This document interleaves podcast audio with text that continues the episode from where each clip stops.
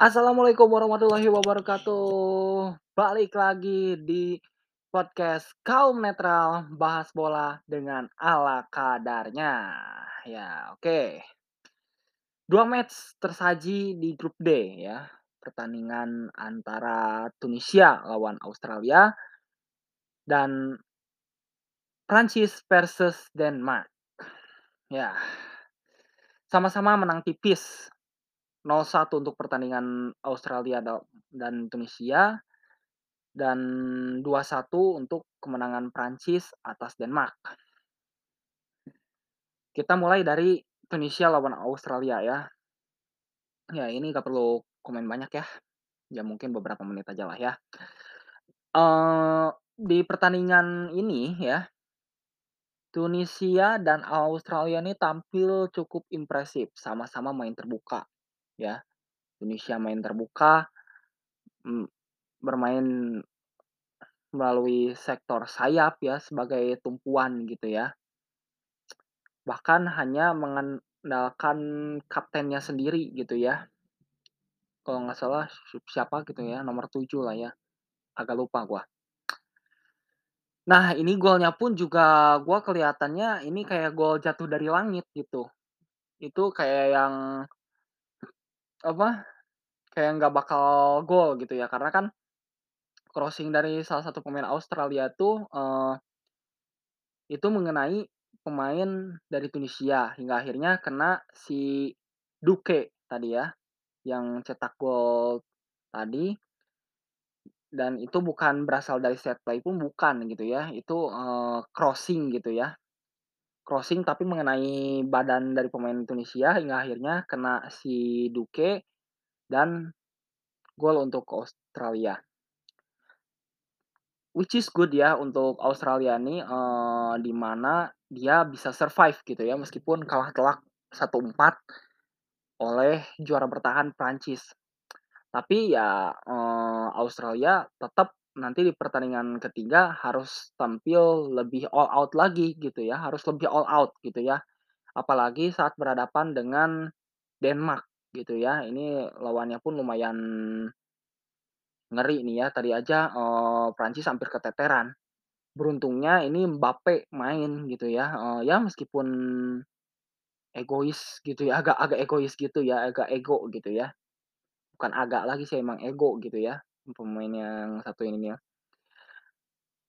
Nah, untuk untuk yang Tunisia lawan Australia tadi ya mungkin, uh man of the match-nya ya menurut gua sih ya kipernya mungkin ya, Matt Ryan. Ya karena banyak sekali penyelamatan-penyelamatan yang dilakukan oleh dia terhadap serangan dari Tunisia gitu ya. Karena ya kalau man of dengan man of the match-nya kiper, itu mungkin ada salah ada yang salah dari sistemnya gitu ya.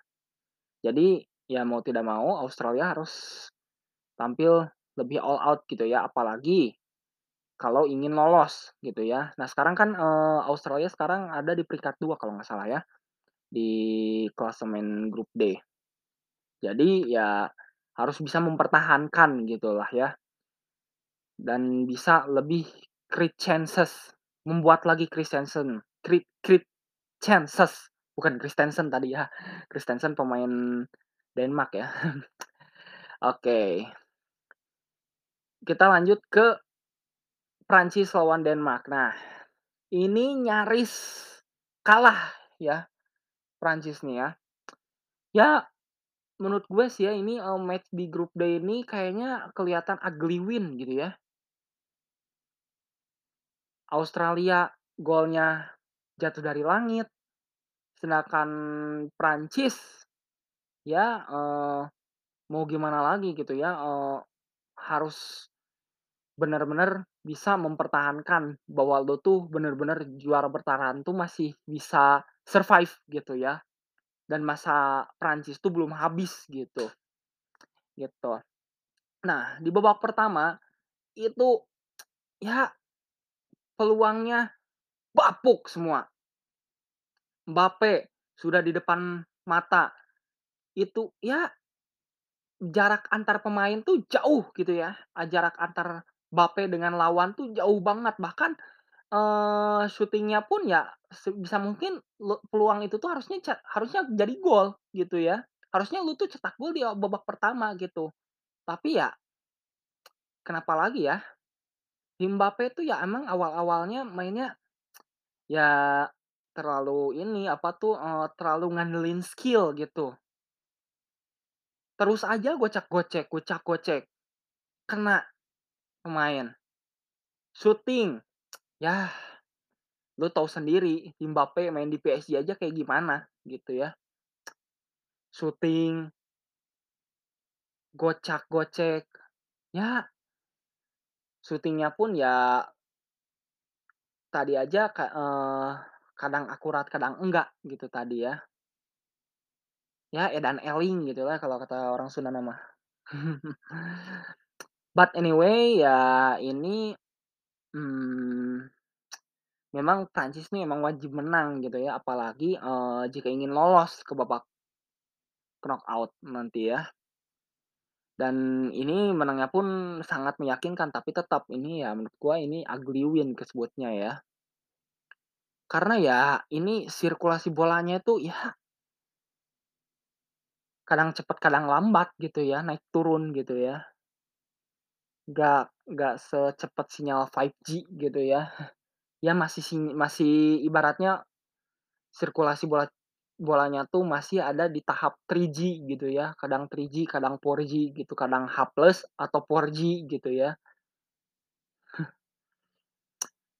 Nah, kalau dilihat dari gol pertama ya, dari Mbappe ini menurut gua sih memang emang layak gol gitu ya.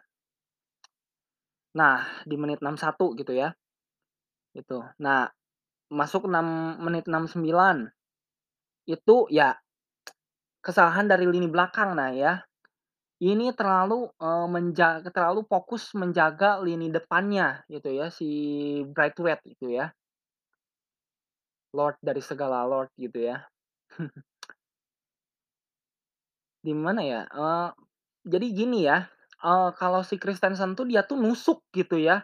Kalau misalkan, eee, back-nya dijaga ketat bukan back sih, ya, eee, back-nya menjaga ketat lini depannya Denmark gitu ya, pasti salah satu di antara mereka ya, terutama dari dari back sama gelandangnya itu, itu dia nusuk gitu. Contoh kayak Christensen lah, si Christensen nusuk dia.